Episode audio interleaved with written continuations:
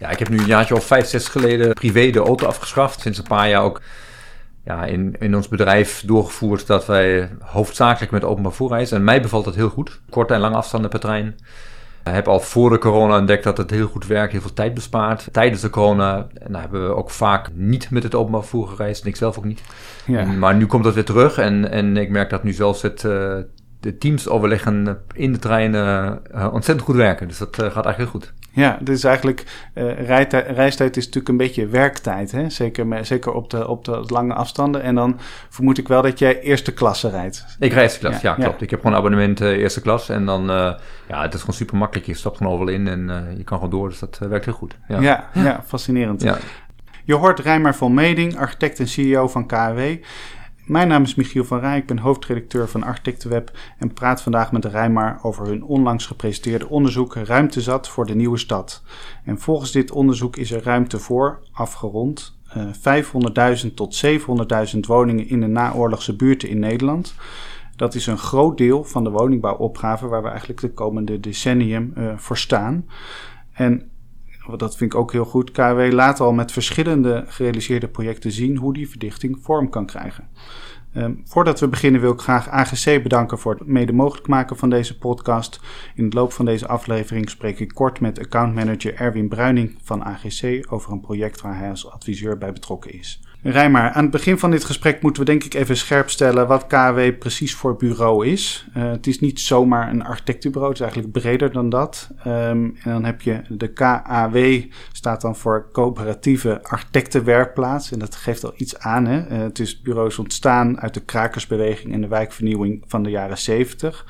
En nu, 50 jaar later, uh, is daar een heel breed bureau uitgegroeid met vestigingen in Groningen, Rotterdam en Eindhoven, waar architecten, maar ook adviseurs en, en uh, onderzoekers uh, werken. En dan kunnen we, denk ik, ons voorstellen wat die architecten doen. Hè, die ontwerpen, ontwerpen gebouwen. Maar wat doen die onderzoekers en adviseurs precies? Ja, aan, aan architecten geleerde adviseurs, dan denk je snel aan installatieadvies, bouwkundig advies enzovoort. Nou, dat is niet het stuk, maar dat gaat echt om het sociaal-maatschappelijk advies. Dat betekent dus dat bij ons uh, sociaal geografen werken, mensen uit de planologie, uh, mensen die zich met uh, processturing bezighouden, die bijvoorbeeld kennis en ervaring met zorg, vastgoed, maar ook de zorgprocessen hebben. Ook op het gebied van onderwijs bijvoorbeeld. energietransitie. Wij begeleiden vrij veel processen rondom de stadsvernieuwing tweede de tweede belangrijke poot van ons advieswerk is de, de onderzoekscomponent die ik net aanstipte. Dat is aan de ene kant een duidelijke focus op het woningmarktonderzoek, het woonwensenonderzoek. Dus we helpen en adviseren uh, provincies, steden, gemeenten om woonvisies te ontwikkelen, maar doen dat ook op projectniveau, als bijvoorbeeld uh, nou ja, een projectontwikkelaar met een nieuwe opgave aan de slag gaat. waar de vraag ontstaat, nou, voor welke doelgroep willen we eigenlijk bouwen? Dan doen we iets meer dan een makelaar bellen. Maar dan zijn we echt bezig met, met eigen onderzoek waarmee we demografische veranderingen kunnen opsporen en daarmee dus een vrij exact um, ja, advies uh, kunnen uitbrengen. En nou goed, in onze naam staat natuurlijk wel dat we een architectenbureau zijn. Dus het is natuurlijk allemaal gelinkt aan, aan ruimtelijke opgaven die we aan het uh, doen zijn. Precies, en eigenlijk ook allemaal heel vroeg in de, eigenlijk in de, in de definitie van de opgaves. Hè? Ja. Dat vind ik, vind ik interessant aan. Dus echt uh, uh, voordat er gebouwd wordt, daar, daar doen jullie onderzoek naar van wat moet dat dan precies zijn? Hè? Ja, dat klopt. Ja. Dat, dat vinden we ook echt belangrijk dat wij daarin zowel zelf soms initiërend zijn, maar partijen die met opgaven aan de gang gaan nou ja, bewijs van op het moment uh, begeleiden dat zij zelf bedacht hebben: hé, hey, ik heb een probleem. En nog geen enkel idee hebben wat dat probleem eigenlijk precies is en wat voor soort uh, gevolgen dat zou kunnen hebben. Dus we helpen ook bij, bij vroege afweging om strategische beslis beslissingen te kunnen nemen. Dus dat, ja. is, dat is vrij belangrijk, ja, klopt. Ja, ja interessant. Dat, dat onderzoek waar we het over gaan hebben, past daar natuurlijk heel goed bij. En vanuit KW pleiten jullie eigenlijk al jaren. En uh, jij als, als uh, directeur daarvan natuurlijk bent er uitgebreid over in de media geweest. Je, je bent tegen uitbreiding van de stedelijke gebieden in de weilanden. En voor verdichting van de bestaande stad. Als ik het even samenvat. Mm -hmm. Het zal niet zo zwart-wit zijn, maar uh, laten we het even zo, zo doen. En in jullie nieuwe onderzoek Ruimte zat voor de nieuwe stad, uh, hebben jullie eigenlijk voor het eerst gekwantificeerd, uh, wat ik heel leuk vind, uh, van hoe, ja, hoeveel ruimte dat dan is. Hè? Mm -hmm. um, en dan heb je het over binnen de naoorlogse stad, en dan heb je het over 1946 tot 1980, over een capaciteit van 500 tot 700.000 nieuwe woningen. Um, en ik wil eigenlijk proberen in stappen met jou de resultaten van dat onderzoek af te pellen. Mm -hmm. Om te beginnen, uh, was, je, was je ergens nog verbaasd met hoeveel woningen daar mogelijk zijn nog in de bestaande stad? Ja, want uh, kijk, je, je leidt het in wat ons profiel is. Wij zijn eigenlijk op niet zo heel veel dingen tegen. Nee. een van onze doelen is om met positieve verandering iets op gang te brengen. En wat wij, uh, nou, ons bureau bestaat nu 40 jaar. We hebben de stadsvernieuwing en ook de Vogelenwijken meegemaakt. Ik ben zelf als architect opgegroeid in de uh, Vogelenwijken-thematiek. En wat ik daarin altijd al bijzonder heb gevonden, is dat, de, dat in die tijd, en eigenlijk nog, nog tot op de dag van vandaag, wijkvernieuwing betekent verdunning. Het, eh, het weghalen van goedkope woningen, neerzetten van duurdere woningen, dan gaat die wijk daar statistisch op vooruit. Maar de mensen in die wijk die hebben er eigenlijk streng genomen heel weinig aan. Uh, en het worden steeds minder woningen. De meeste naoorlogse wijken zijn de afgelopen 40, 50 jaar zwaar uitgedund. Dat hebben mensen vaak helemaal niet door. Nou, en wat wij eigenlijk om te beginnen alleen wilden bereiken, is dat, dat een keer wat beter op rij gezet wordt. En ook wat feitelijk op rij gezet wordt. Hoeveel kan nou eigenlijk in die bestaande wijken? En nou ja, ik, heb, ik had geen getal in mijn hoofd. Ik dacht, nou ja, het zal 1, 2, 100.000 woningen zijn of zoiets in die trant. En we hebben een onderzoekssystematiek opgezet waarbij we uh, ontwerpend vrij precies gekeken hebben. Uh, en onderzoekend met dataonderzoek uh, opgeschaald hebben. Nou, daar hebben we het misschien straks nog even over hoe dat ging. Dat is best een bijzondere systematiek. Waarmee we die, die capaciteit ook voor het eerst realistisch in beeld gebracht hebben. Want de vuilkuil waar wij niet in willen stappen is, je, je kan natuurlijk door iedere stad gaan en ruimtes die er zijn volbouwen. Dat kan. Maar als je niet weet van wie de grond is, van wie de huizen zijn die er staan, of er iets onder de grond ligt, ga ze maar door. Kan je het wel beweren, maar het kan niet. En dat is een van de dingen die wij uh, met het onderzoek wel gepretendeerd hebben. En inmiddels in de praktische um, vervolgprojecten die we op basis van dit onderzoek gedaan hebben, een jaar later, ook hard kunnen maken. Dat de aantallen niet alleen fysiek ergens passen, maar dat ze ook procesmatig haalbaar zijn, dat je het voor elkaar kan krijgen. Ja, ja, heel interessant. En dan denk ik wel om te beginnen van dat er best wel wat naoorlogse buurten zijn natuurlijk vernieuwd, uh, mm-hmm. wellicht verdund, maar er zijn ook best wel wat, wat buurten, denk ik bijvoorbeeld aan, aan Schalkwijk in Haarlem, waar al heel veel verdichting uh, plaatsvindt. Mm-hmm. Um, en dan ben ik nog best wel verbaasd dat er nog zoveel meer mogelijk is in die buurten. Ja, ja dat klopt. Nou ja, kijk, er zijn natuurlijk wel degelijk buurten die ook al aangepakt zijn. En je mag ervan uitgaan dat we niet beweerd hebben dat woningen die tien jaar geleden gebouwd zijn, dan allemaal weer afgebroken kunnen worden. Dus het, is, het onderzoek is gebaseerd op die buurten die ook nog niet aangepakt zijn, waarin hoofdzakelijk coöperatiebezit staat, wat nog op de nominatie staat om gerenoveerd te worden, waar verplichtingen ook onder liggen om te, om de, om te renoveren. Mm-hmm. Vanuit duurzaamheidsoogpunt, vanuit demografische veranderingen. Dus de, ons onderzoek heeft duidelijk die buurten van een jongere periode, dus schakelijk, eh, uitgesloten, althans de, de nieuwere delen daarvan om inderdaad niet te beweren dat je dat, je dat soort jong vastgezomen kan aanpakken. En het, is, het klopt wat je zegt. Het is, het is verbazingwekkend hoeveel het toch uh, kan in dat soort uh, buurten. Dat hou je eigenlijk niet voor mogelijk. Nee. Dat heeft ook mee te maken dat veel van dat soort buurten ook niet zo heel erg op de radar staan van mensen. Want het zijn ook echt buurten waar ja, letterlijk jij en ik niet dagelijks komen. In sommige steden wel, maar op heel veel plekken ook gewoon niet. Uh, en ik merk dat ook bij beleidsmakers, bij politici. Uh, dat veel over de stad gesproken wordt, dat, maar dat velen daarvan nog nooit in zo'n buurt geweest zijn. Letterlijk nog nooit geweest zijn. Nou, dus überhaupt de ogen openen voor deze thematiek, ja, dat was ons, ja, was ons gewoon een, belangrijk, belangrijk issue. Um, en denk ik dat het goed is om een aantal uh, hardnekkige misverstanden rond verdichting eventjes uit de weg te, te halen. Mm -hmm. Zo, zo, wordt natuurlijk gezegd, van, ah, maar uh, verdichting van de stad is veel duurder uh, dan mm -hmm. nieuwbouw. Mm -hmm. terwijl ik dan bij nieuwbouw ook wel denk, zeker in een weiland, dan moet je nieuwe wegen hebben, nieuwe openbaar vervoer, nieuwe, nieuwe voorzieningen. Allemaal kosten die dan niet voor die ontwikkelaar zijn, maar wel voor ons als maatschappij, als mm -hmm. vanuit de overheid. Um, ja, hoe, hoe, kijk jij daar tegenaan? Waarom is verdichting juist niet duurder? Ja, um eigenlijk zijn er twee verschillende facetten van uh, die je moet belichten. Het ene is als je puur over het bouwen van een woning hebt. Daarvan wordt verondersteld dat ja, nou ja, als je een, een, weiland hebt, dat je dan makkelijker uh, palen in kan slaan en een huis neer kan zetten. Wij hebben een behoorlijke woningbouwcapaciteit als bureau. We, doen, we hebben per jaar bijna 5000 woningen aan tekenen. Ik heb echt nog geen enkele woning gezien die iemand op de Groene Wei voor dezelfde kwaliteit goedkoper heeft kunnen bouwen als wat wij in de stad maken. Dat is gewoon Een groot verschil tussen bouwbedrijven die dat kunnen, die logistiek erop ingespeeld zijn, die slim zijn, die innovaties ontwikkeld hebben om snel te werken in de stad. Ja, die werken gewoon net zo betaalbaar als uh, wanneer je op de Groene Wei een nieuw huis uh, wegzet. Dat wordt, vaak, dat wordt echt verondersteld. Dat is echt niet zo. Het is natuurlijk wel zo dat het ontwikkelrendement en eerlijk gezegd, vooral het rendement op de grond, want het omzetten van grond van boerenweiland naar, naar woonbestemming, ja, daar wordt eigenlijk het meeste mee verdiend. Uh, dat kan ik ook absoluut niet ontkennen dat dat zo is. Maar eerlijk gezegd is het iets wat ik veel minder belangrijk vind. Het belangrijke is, kunnen mensen een huis hebben? Dat is waar ik het over heb. Ja. En dat ergens een winst niet afgeroomd kan worden, vind ik een andere discussie en niet minder belangrijk. En um, het, het, het, het uh, wat natuurlijk wel een rol speelt, en dat uh, stipte je net aan, eh, dat veel te weinig naar de uh, algehele maatschappelijke kosten en maat gekeken wordt.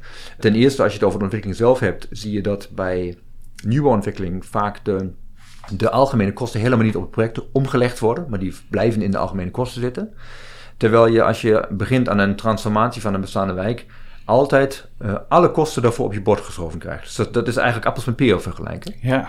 En, en de tweede is dat je natuurlijk ook nog uh, kosten en baten hebt. Je noemt het net zelf, uh, je hoeft geen wegen aan te leggen. We weten dat we in alle buurten op lange termijn bijvoorbeeld de gasnetten zullen gaan vervangen. Dat gaan we dus hoe dan ook doen. Ja, je kan natuurlijk die gasnetten vervangen, dus alle straten openhalen en tegelijkertijd nog een buurt elders bouwen. Of je kan, omdat je die gasnetten toch vervangt, daar ook meerdere woningen realiseren. En dan geef je die infrastructuurkosten maar één keer uit. Nou ja, en dan heb je ook nog thematieke gezondheid, op korte afstand van je werk kunnen leven, voor mensen mobiliteit uh, betaalbaar houden. De auto wordt voor veel mensen is niet meer beschikbaar, omdat het gewoon echt een duur ding aan het worden is. Ja, als je al dat allemaal meeneemt, dan is het gewoon heel duidelijk dat een woning op de Groene Wei, dat is gewoon kosten na, na, naartoe brengen. En in de stad is het eigenlijk gewoon winst.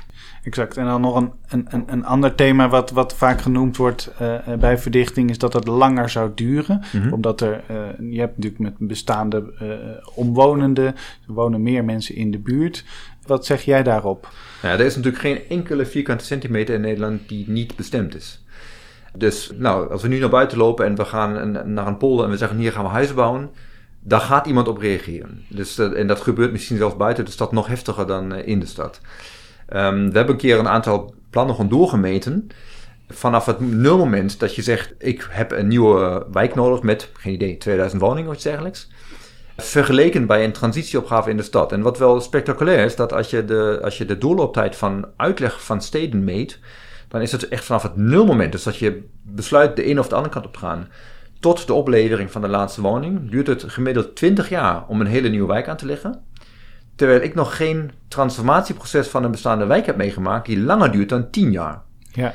Dus het, duurt, het gaat eigenlijk twee keer zo snel. Uh, met enige wat we natuurlijk wel moeten vertellen, het gaat nooit volgend jaar. Ja, het duurt altijd tijd, maar het gaat echt veel sneller als we in de bestaande stad uh, aan de gang gaan. Nee, en dat, en dat laatste is natuurlijk wel een. Het feit dat we eigenlijk een, een, een, rijksoverheid hebben die de afgelopen tien jaar weinig plannen heeft gemaakt. Daar hebben we natuurlijk wel last van, denk ik, de komende tien jaar. Ja, hoewel ook dat een issue is. Kijk, er is wel sprake van een, toch een redelijk hoge plancapaciteit die we al hebben. En wat je de afgelopen jaren merkt, ik heb daar uh, recent contact gehad met Walter Veldhuis, uh, een van de rijksadviseurs voor de fysieke leefomgeving. En die vertelde mij dat, dat het Rijk een, een vrij hoge plancapaciteit heeft. En dat door de, door, uh, doordat er constant van buitenaf over allerlei andere dingen nagedacht wordt, eigenlijk ook sprake is van een soort van afleidingsmanoeuvre, waardoor die plannen die er zijn ook steeds moeilijker uh, op gang komen. En hij heeft eigenlijk gezegd, nou ja, als je nou om te beginnen accepteert dat we veel plancapaciteit hebben en we richten ons erop, dan zou je gewoon veel meer vaart kunnen maken. Dus kortom, we, we, zouden dat heel snel toch weer in gang kunnen brengen. In ieder geval sneller dan, wij nu, dan wanneer wij nu heel de tijd de discussie met elkaar voeren. hey, ik heb daar nog uh, iets nieuws gevonden, zou dit niet ook nog kunnen? We hebben hier nog wat polders, zullen we daar niet eens een keertje naar kijken? Nou, ja. in plaats van die gebieden die op de, op de ja. planning staan aan te pakken en daarmee aan de slag te gaan. In jullie onderzoek uh, presenteren jullie een statistiek die me erg trof. En dat was eigenlijk de verhouding eensgezinswoningen versus het percentage traditionele gezinnen. En om dat even specifiek te maken, terwijl de woningvoorraad in Nederland uit, voor 65% uit eengezinswoningen bestaat, bestaat maar 26% van de huishoudens uit gezinnen met twee ouders en kinderen. Mm -hmm. Dat is natuurlijk ook een fascinerende, uh, eigenlijk als je dan denkt over wat we in de Finex gerealiseerd hebben, van, is dan eigenlijk een soort van uh, een beetje, beetje idioot. maar aan de andere kant, al die al die woningen worden bevolkt. Ik denk dat ook heel veel mensen er prettig wonen. Mm -hmm. als je dan inderdaad weer realiseert, dat schrijven jullie van in de jaren 70 bestonden huishoudens voor gemiddeld uit 3,5 persoon. En dan mhm. nu is dat gemiddeld 2,2 personen. Mhm. Dus veel kleinere huishoudens. Dan heb je het inderdaad over een verdunning van de wijken. En dat leidt eigenlijk eh, in jullie visie tot de stellingname dat je eigenlijk in, als, als je nu gaat bouwen, dan moet je dat toch vooral anders doen dan eengezinswoningen. Ja, um, ook hiervoor geldt weer, uh, wij zijn niet tegen eengezinswoningen. Nee. En uh, de, de, de oprichters van KW, dat waren echt de linkse rakkers, maar geen, die waren niet Mao of Stalin. Dus nee. we zeggen niet, jullie moeten allemaal het huis uit, hè? dus het is niet dictatorisch.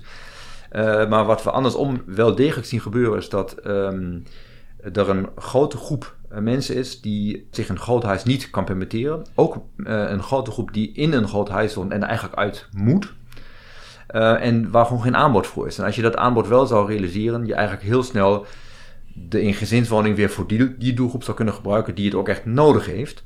En we hebben gewoon dik voldoende voorraad. En wat we toch veel te veel doen is, um, en dat gebeurt met name bij uitleggebieden, is dat toch gezegd wordt, dit bouwen we weer voor gezinnen. Dus het wordt desintensief bebouwd. Dus je voegt eigenlijk alleen maar die voorraad toe die je al heel erg hebt. Ja, en nu is het 20 jaar wachten en dan hebben we gewoon een groot probleem. Want dan hebben we gewoon een hele grote oncourante woningvoorraad. Uh, waar we straks weer beginnen om huizen te slopen, die ook net zo goed uh, had kunnen laten staan. Ja, precies. Nou, daar willen we ons eigenlijk gewoon sterk van maken dat dit gewoon helderder wordt uh, voor mensen. Ja. Want ja, wat je net noemde, dat getal, die, die, die daling in aantal personen, dat gaat dus om 40% uitdunning in de bestaande wijken. Dat is gewoon echt heel veel. En want mensen zeggen vaak tegen mij, ja god, is er überhaupt nog ruimte in die wijken? Kunnen er nog zoveel mensen bij? Nou, als je bedenkt dat de Nederlandse wijken gebouwd zijn voor 40% meer mensen ja, dan heb je ook door waarom het nu, waarom het nu ja, redelijk lege gebieden zijn. Waar ja, daar, is, is geen bedrijvigheid. Daar zijn geen, de, de, de, de winkels, de buurtwinkels hebben grote moeite om te overleven. Dus als we maar 10% terug zouden brengen, of misschien 5, ja, dan zouden we makkelijk iedereen een eh, plek kunnen geven in Nederland. Zouden we helemaal niks nieuws meer hoeven te bouwen. Ja, precies. Nee, bezint eer begint uh, ja, klopt, aan de volgende uitbreiding. Onze columnist Violette Schoenberger pleitte onlangs in een column voor de herontdekking van de beneden-bovenwoning. Mm -hmm. wat ik heel leuk vond. En uh, Hans van der Heijden heeft vorig jaar nog in Rotterdam ook een heel interessant voorbeeld daarvan gebouwd. Mm -hmm. En Violetjes stelde eigenlijk van, ja, als je, als je je voorstelt dat we veel meer dit zouden bouwen, dan heb je voor alle kinderen in die buurt, heb je twee keer zoveel vriendjes en vriendinnetjes. Mm -hmm. hè? voor de winkels, dat zeg jij dan, van heb je natuurlijk twee keer zoveel mensen. Dus en dat, dat vind ik dan ook wel interessant hoor. Dat je dat een, een, een net hogere dichtheid, terwijl, terwijl dat toch hele ruime woningen zijn, uh, levert sociaal en maatschappelijk heel veel op. Ja? Ja, Nou ja, want als je het andersom ziet, je, je kent de gevolgen uh, in dat soort wijken worden basisscholen gesloten. En andersom, wat je zegt, uh, een, een zekere mate van intensiteit heeft ook haar voordelen voor nou ja, sociale contacten. Dus ja, dat klopt helemaal. Ja. ja. Uh, trouwens wel grappig, je noemt die, de boven-benedenwoning. Dat is bijvoorbeeld een type wat statistisch geen eengezinswoning, maar een appartementsrecht is. Dus alle boven-benedenwoningen in Nederland, die eigenlijk 120, 140 vierkante meter gezinswoningen zijn, die zitten nog niet eens in de twee derde eengezinswoningen die je net noemde. Dus als je realiseert dat we ook in de appartementen die we hebben een heel groot deel eigenlijk gezinswoningen hebben, is die statistiek zelf eh, feitelijk gezien uh, nog erger. En um, het grappige is dat het, dat het ook types zijn die, die wel heel succesvol kunnen zijn. We hebben zelf in het uh, Lage Land in 2008 uh, ter vervanging van portiekwoningen met bovenbenedenwoningen teruggewerkt. en dat is een, gewoon een van de succesvolste woonprojecten van, van Rotterdam geworden. Dus het zijn typologieën die ook erg aanspreken in hun dichtheid. Ja, kan ik me voorstellen. Terwijl inderdaad iemand het omdat het niet zo vaak voorkomt, meer mensen het misschien niet zo in hun hoofd hebben van dat het bij hun zou passen. Hè? Klopt. Ja. ja ja, boeiend.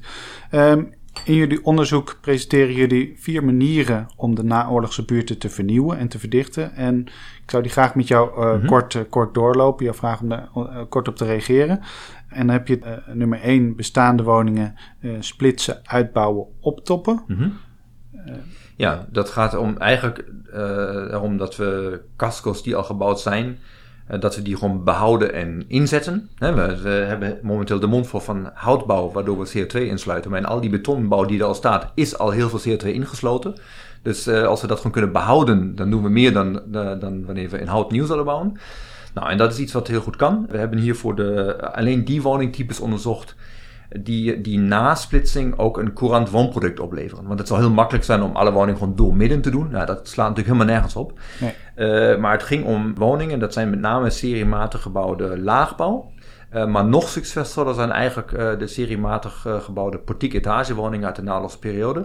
Die tot onze verbazing veel groter zijn dan over het algemeen aangenomen wordt. Dat zijn vaak woningen van 80 of 90 vierkante meter. Dat zijn echt ruime woningen.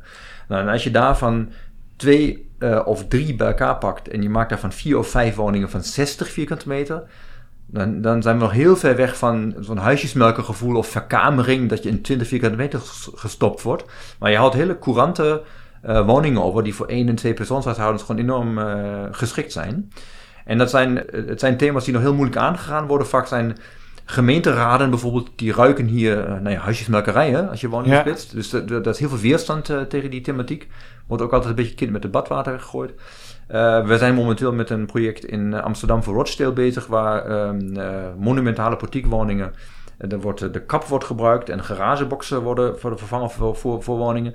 En daar lukt het dus om 30% woningen toe te voegen zonder een kubieke meter extra te bouwen. En het zijn allemaal goede, courante woningen die ontstaan. Ja, geweldig. Precies. En qua optoppen denk ik zelf ook wel aan, zeker dat zie ik in Haarlem veel gebeuren, dat je dan heb je woningen van twee lagen en daar kun je natuurlijk heel makkelijk een, met houtbouw uh, juist weer een laag aan toevoegen en, mhm. en eigenlijk uh, wellicht daarna ook nog, uh, ook nog weer splitsen. Hè? Dus, Klopt. Ja, interessant. Mm um, en een tweede punt is chirurgisch ingrijpen, kleinschalige ingrepen, gebruik van restruimtes. Mm Ja.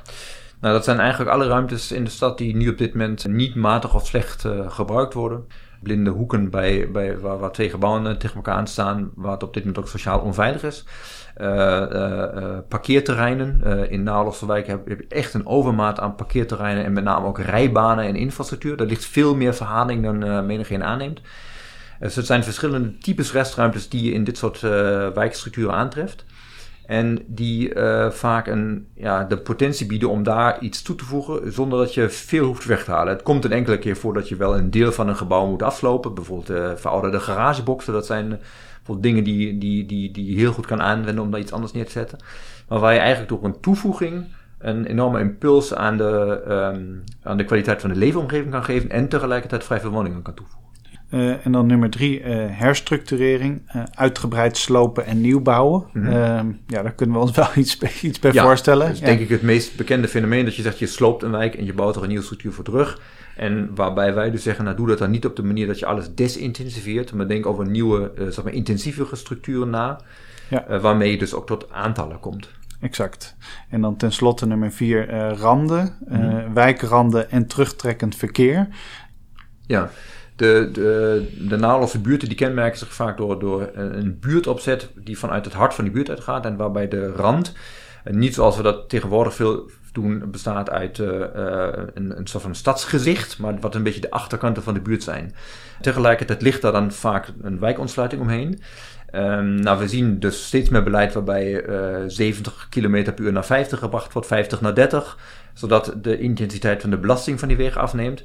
En tegelijkertijd heb je in die randen van de buurt heel veel ruimtes over, waardoor je de buurt ook een gezicht naar buiten kan geven. En dat is een behoorlijke capaciteit wat je daar kan opnemen. Ja, en dan helpt het dat we uh, steeds meer naar elektrisch verkeer gaan. Hè? Absoluut. Met name de uitstoot uh, scheelt dan, stof hou je wel een beetje, maar uh, de, de, uitstoot van geluid en, en, en gassen is natuurlijk wel een stuk minder. Ja. Um, Jij zei het al net van uh, uh, dat jullie je met name ook op woningcorporaties richten. Um, en dat komt dan omdat die grote delen van die wijken dan uh, in eigendom hebben en daardoor zich beter dit soort verdichting eigenlijk een plek kunnen geven. Hè? Ja, in principe hebben de meeste woningbouwcorporaties ook een opgave in dat soort buurten. Dat is enerzijds een sociaal-maatschappelijke opgave. Uh, maar ook gewoon een ruimtelijke opgave. Ze hebben verplichtingen om hun vastgoed uh, op bepaalde termijn energie neutraal te maken. Nou, dat zijn al die woningen niet. Dus je zult daar fysiek moeten ingrijpen. Ze hebben de, ook de behoefte om de woningvoorraad aan te passen aan de demografische veranderingen. Dat het courante woonproducten blijven wat ze hebben. Dus iedere woningbouwcorporatie die aan gesloten bezit heeft, heeft altijd een wijkopgave. En wat je in de afgelopen jaren zag, is dat door veranderend beleid corporaties toch best een beetje het hok ingedrukt zijn, een beetje in een soort van passieve houding gebracht zijn. Um, en waar wij nu merken dat we uh, ineens ja, corporaties kunnen laten zien dat ze met hun bezit ook een aanbod aan de stad hebben. Want er is zoveel verdichtingspotentie mogelijk dat je niet alleen de, een lichte groei van bijvoorbeeld aan de sociaal kunt realiseren, maar dat je juist ook een ander programma toe kan voegen, dat ook uh, commercieel en ook wat duurder mag zijn, omdat je dan in die buurt ook tot een ander soortige programmamix kan komen. En dat betekent dus dat er ook voor andere partijen in de buurten van corporaties kansen ontstaan. Maar waarbij de corporatie zelf toch altijd wel een beetje de aanjager kunnen zijn van dit, uh, van dit hele fenomeen. En ineens iets te bieden hebben aan de stad. Ja, ja, interessant. dat, dat is natuurlijk ook een, wat dat betreft een nieuwe dimensie van dat ze na kunnen denken van ja, maar eh, misschien zijn het niet, zelfs niet onze eigen woningen, maar eh, kan, kunnen we met een partner eh, die, die buurt ook een impuls geven. Hè? Klopt. Ja. bijvoorbeeld uh, Mitros in Utrecht, die, hebben dit, die omarmen dit principe heel erg. En, en zij noemen dit, dit, idee verdunnen door verdichten. En wat ze daarmee eigenlijk bedoelen is, het aandeel sociaal in de buurt blijft gelijk en dat iets toegevoegd wordt, verdun je eigenlijk het aantal sociaal. Maar je hoeft eigenlijk tegen niemand in die buurt te zeggen, je moet de buurt uit. Je hebt aan iedere huurder heb je een, een aanbod. Nou, en dat is eigenlijk super interessant, want daarmee heb je ook een positief verhaal te vertellen. Ja, ja, mooi. Dan maak je toch, toch weer gemengdere wijken. Ja, Klopt. Precies. Ja, ja jullie, jullie schrijven dan in jullie onderzoek van ja, je kan niet al, al die ingrepen die, die we net doorgelopen hebben, uh, 100% inzetten. Je moet, een, je moet tot een soort mix komen. Maar dan ben ik wel benieuwd van uh, op de illustraties die jullie erbij gemaakt hebben. Dan zie je best wel een, een hoogstedelijk uh, gebied ontstaan. Mm -hmm. over wat voor verdichting hebben we het? Is het een, toch een soort verdubbeling van het aantal huishoudens? Of een, wat voor efficiëntie? Uh, kun je daar iets, iets over zeggen? Ja, de, um, kijk, de, illustraties hebben we gemaakt om, te, om ja, te illustreren, om te laten zien dat je niet alleen iets toevoegt, maar dat je ook aan kwaliteiten werkt, zoals bijvoorbeeld een klimaatbestendige wijk, de, de integratie van natuurwaardes enzovoort. De, de hoeveelheid verdichting, die kan extreem variëren.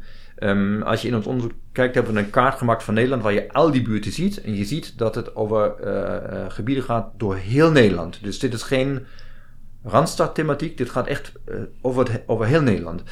En wat wij gemiddeld genomen zien is dat in de Randstad, daar waar je wat meer op richting knooppunten zit, dat je vrij hoge verdichtingen kunt realiseren. Um, waar je meer naar het midden of het oosten of noorden van het land soms wat behoudender verdicht.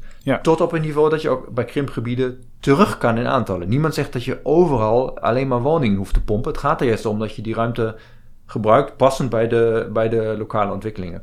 En als je, de, als je het getalsmatig een klein beetje, ik heb dat niet in een FSI voor je op een rij, maar we hebben uh, berekend dat een, een toename van 25% in aantallen woningen, uh, alleen in deze buurten, uh, heel goed haalbaar is. En we zien eigenlijk een range ontstaan dat we, we hebben nu een aantal projecten gedaan waar je tot 80% toevoeging komt. Dus dat betekent dat je het aantal bijna kan verdubbelen. Tot aan projecten waar je nou ja, 5, 6% toevoegt. Dus een enkele woning toevoegt. Dus die range zit er echt in. Maar het gemiddelde komt altijd weer uit op die 25%. En dat levert je ook dat getal van nou ja, 5, 6, 7, 800.000 woningen op die daarmee uh, haalbaar worden. Ja, en als ik het goed begrijp, hebben jullie naast bestaande woonbuurten ook gekeken naar uh, bedrijfsterreinen die dan verdicht kunnen worden. En daar vind ik altijd wel een thema dat je natuurlijk vaak ziet dat bedrijfsterreinen getransformeerd worden en er komen er heel veel woningen bij, maar eigenlijk, uiteindelijk zie je dan dezelfde bedrijven die daar moeten vertrekken, vervolgens aan de rand van de stad in het weiland uh, nieuwe panden uh, realiseren. Mm -hmm. Een soort waterbedeffect. Um, hoe, hoe, hoe, kijk jij daar tegenaan? Ja, uh, misschien, we hebben niet specifiek naar bedrijfsterreinen geke gekeken, maar naar de losse winkelcentra. Dus dat is ja. een, net een klein beetje een andere tak van sport, maar op zich heb je daar dezelfde, hetzelfde fenomeen. Als je namelijk een winkelcentrum aanpakt, dat dan ineens winkels uh, verhuizen naar de rand van de stad. Nou, een van de thema's die we met, uh, met, met het aanvullende onderzoek op winkelcentra willen, willen aansnijden, is dat het natuurlijk in een stad niet alleen om wonen kan gaan. Maar dat een stad uit meerdere functies moet bestaan en dat je met name in de woonwijken die vrij monofunctioneel zijn een opgave hebt om daar ook ook voor een deel tot een functiemix uh, te komen. En we zien er steeds meer de kans, maar ook de noodzaak om bedrijvigheid van het niveau uh, commerciële bedrijvigheid, winkels, uh, lokale ondernemers, tot zelfs, ja, ik noem het maar even lichte industrie, maar dan misschien klinkt dat te zwaar, maar dat je, dat je er ook maakindustrie mm -hmm. integreert in, in een woonomgeving. En dat is eigenlijk heel goed mogelijk, omdat we inmiddels geleerd hebben dat we functies niet kost wat kost op verschillende plekken in de stad hoeven neer te zetten, maar dat het ook best gezond kan zijn om dat wat dichter bij elkaar te brengen. Nee, dat vergt alleen wel heel veel nieuwe ideeën nog. En uh, wel echt ingrepen op architectonisch niveau ook, die dat dan uiteindelijk op de lange termijn mogelijk moeten maken. Absoluut, want je hebt het natuurlijk over het stapelen van functies en, en uh, het zeg maar, aanpassen van gebouwen die er nu niet uh, geschikt voor zijn op dit moment. Je hebt het ook over initiatiefnemers zoals uh, corporaties, gemeenteontwikkelaars die dit moeten aandurven. Want het is natuurlijk lekker veilig als je alles in, zijn, in je hokje stopt. Hè? Ja. Dus je, hebt ook een, je moet ook een zeker risico durven uh, te nemen. Ja, dat hoort er allemaal bij. Maar uiteindelijk, ook dat is uiteindelijk duurzaamheid. Hè? Dat je niet altijd maar weer uh, naar de rand van de stad hoeft voor, voor, voor wat dan ook. Hè? Exact. We gaan er kort tussenuit voor een gesprek met accountmanager Erwin Bruining van AGC over een project waar hij als adviseur bij betrokken is. Erwin, als adviseur ben je betrokken bij de realisatie van de nieuwe huisvesting van Henk Scholten Volvo in Nijmegen. Uh, een combinatie van showroom, werkplaats, kantoren en opslag. Dit gebouw is ontworpen door VBJ en ze hebben het gebouw uh, eigenlijk in twee volumes opgedeeld. Een transparant volume met showroom dat wat lager blijft en een wat geslotener volume met aanvullende functies die uh, wat meer de hoogte ingaat. Wat ik interessant vind aan het ontwerp van deze showroom is dat deze ja, in de meeste, eh, de meeste autobedrijven wordt dat zo transparant mogelijk gemaakt. En dan kun je eigenlijk alle auto's uh, zien. Maar hier is juist gekozen voor een opake vliesgevel. Waarin dan kaders zijn uitgespaard van helder glas. Waar je dan wel een soort van een enkele auto kan zien. Uh, kun je iets vertellen over de achtergrond? Ja, in het uh, ontwerp is men duidelijk uitgegaan uh, door alleen de kaders zichtbaar te laten zijn waar de nieuwste modellen achter gepresenteerd worden. En daarnaast een opake showroom om de mensen naar binnen te trekken en te lokken om te kijken wat of er nog meer in de showroom staat. Eigenlijk een spel van verhullen en onthullen. Ja, exact. Dat maakt het eigenlijk wat spannender, hè? Ja. ja.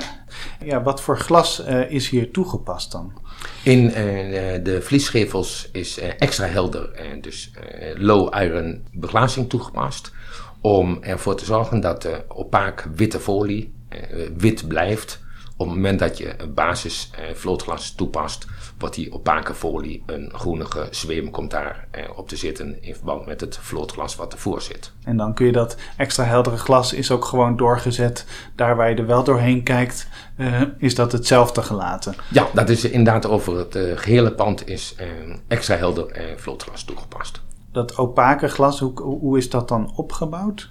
Het opake glas bestaat uit een 442 gelaagde buitenruit. Dus alle ruiten voorzien van extra helder vloot.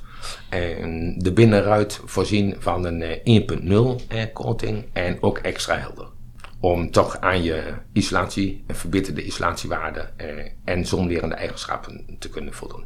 Low iron glas ken ik vooral van restauratieprojecten, waarin eigenlijk getracht wordt met dubbel low iron glas toch de transparantie van het originele enkele glas uh, te benaderen.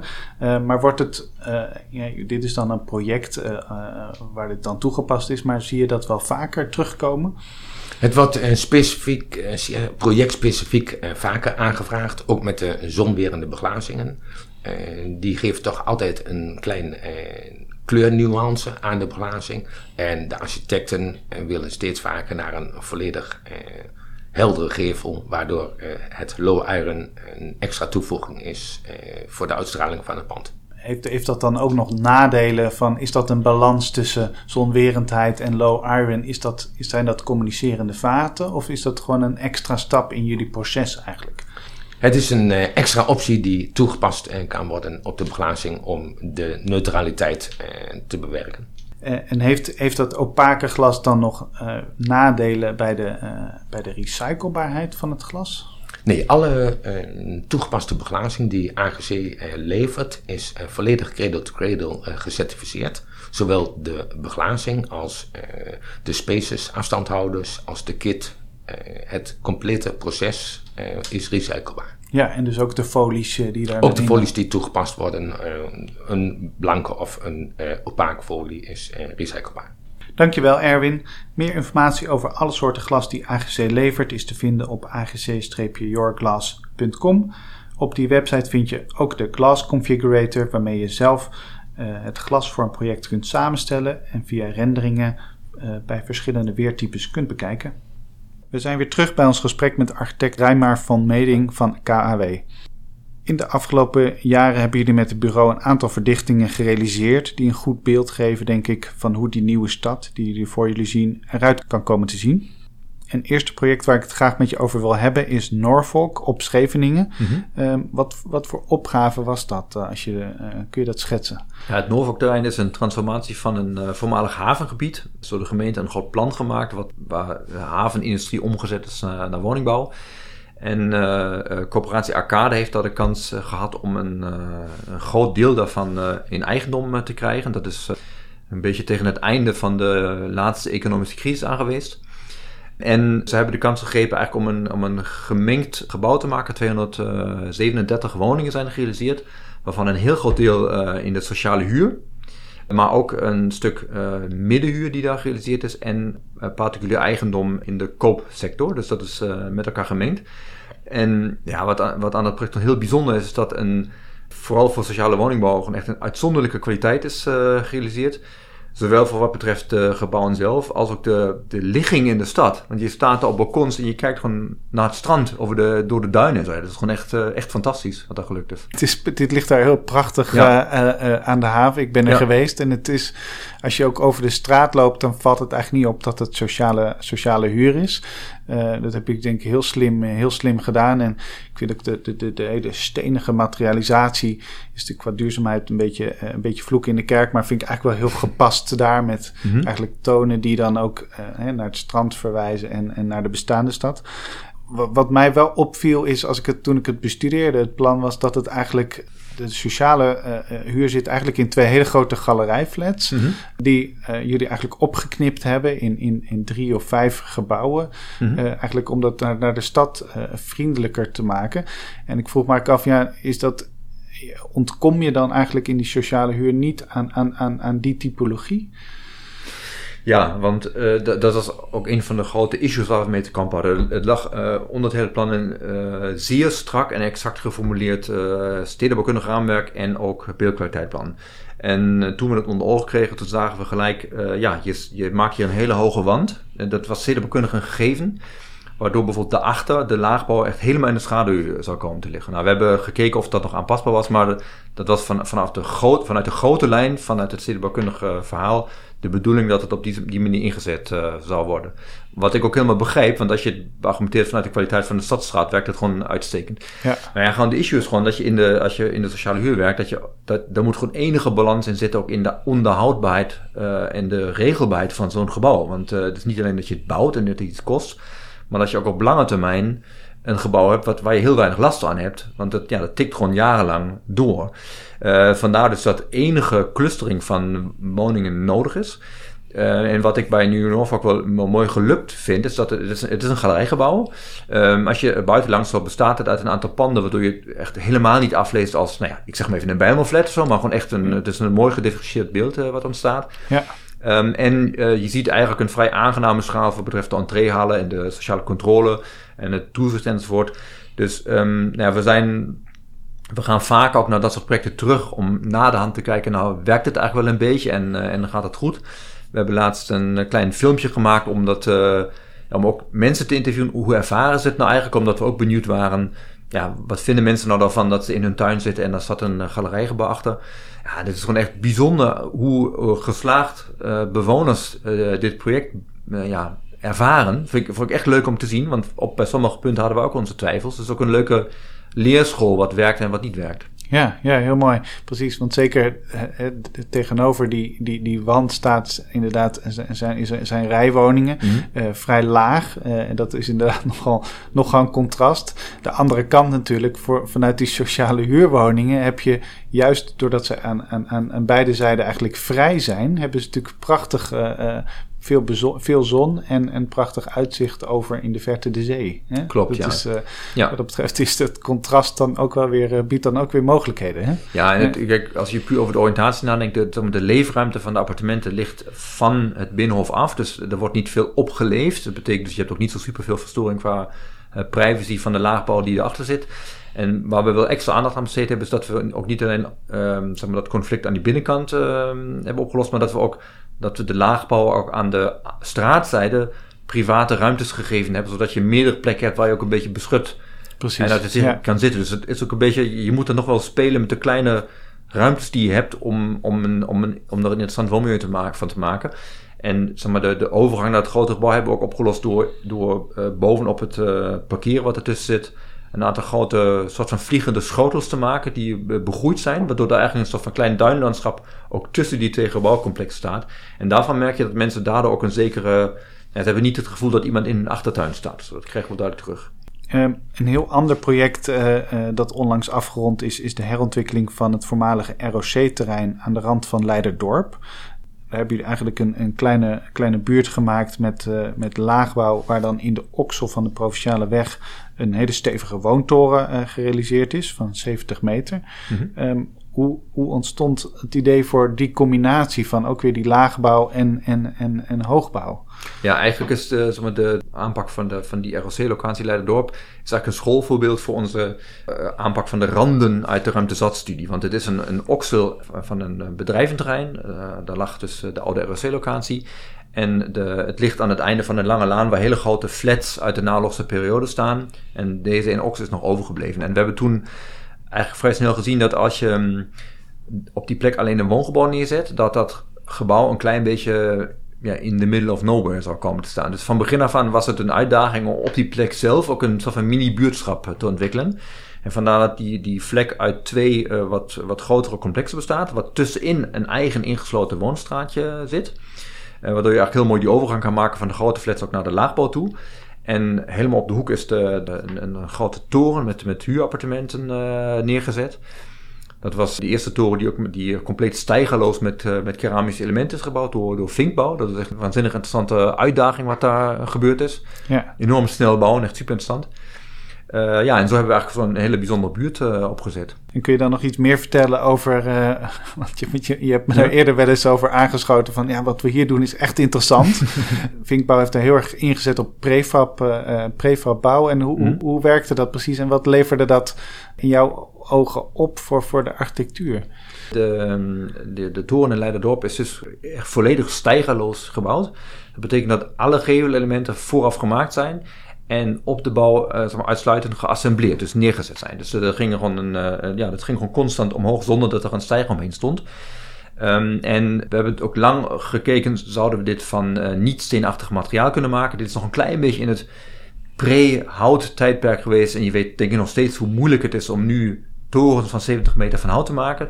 Dus we hebben lang overwogen hoe gaan we dat doen.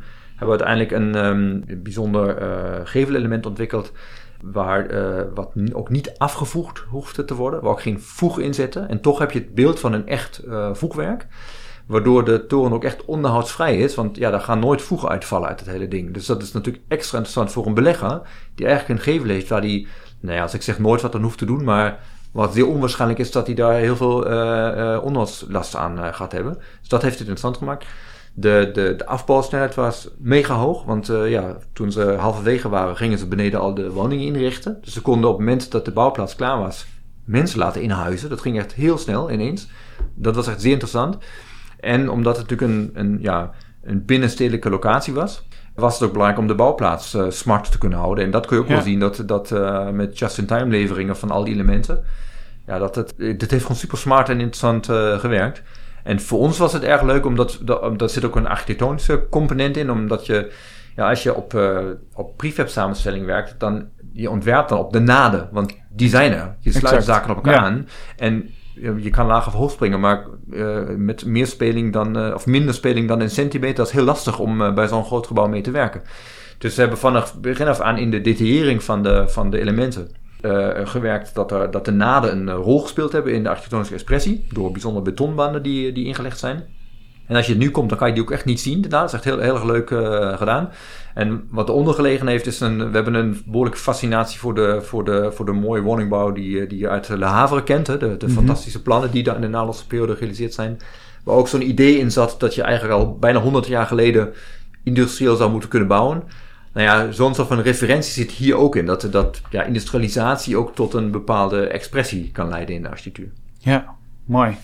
Uh, we gaan allemaal kijken. Hè? Ja, heel goed. En dan tenslotte misschien even vooruitkijken. Van, uh, kun je zeggen over opgaves waar je, waar je dan momenteel aan werkt uh, in, in, in, de verdichting. En lukt het al? Uh, hoe kijk je aan tegen dat bouwen in hout, wat je nou een paar keer genoemd hebt? Mm -hmm.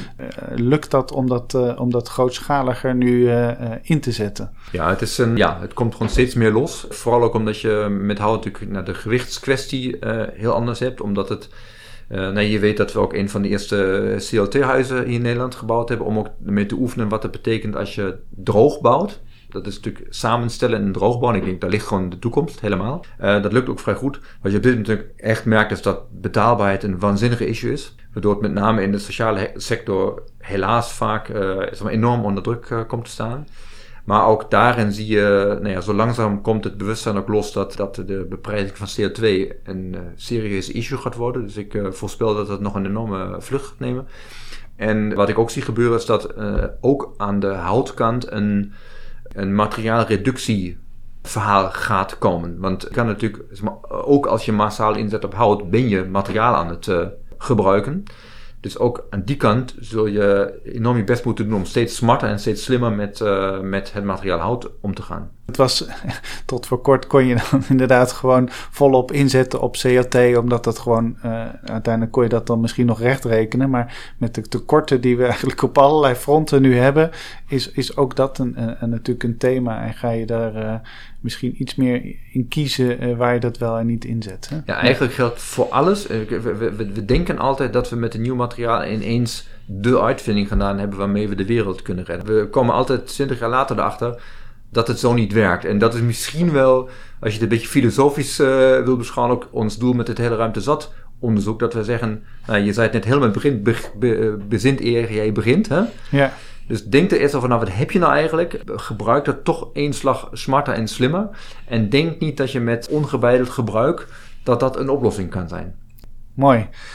Dank Rijmer voor dit gesprek. Uh, dank aan AGC voor het mede mogelijk maken van deze podcast. Dank aan jullie voor het luisteren. Uh, tot de volgende keer.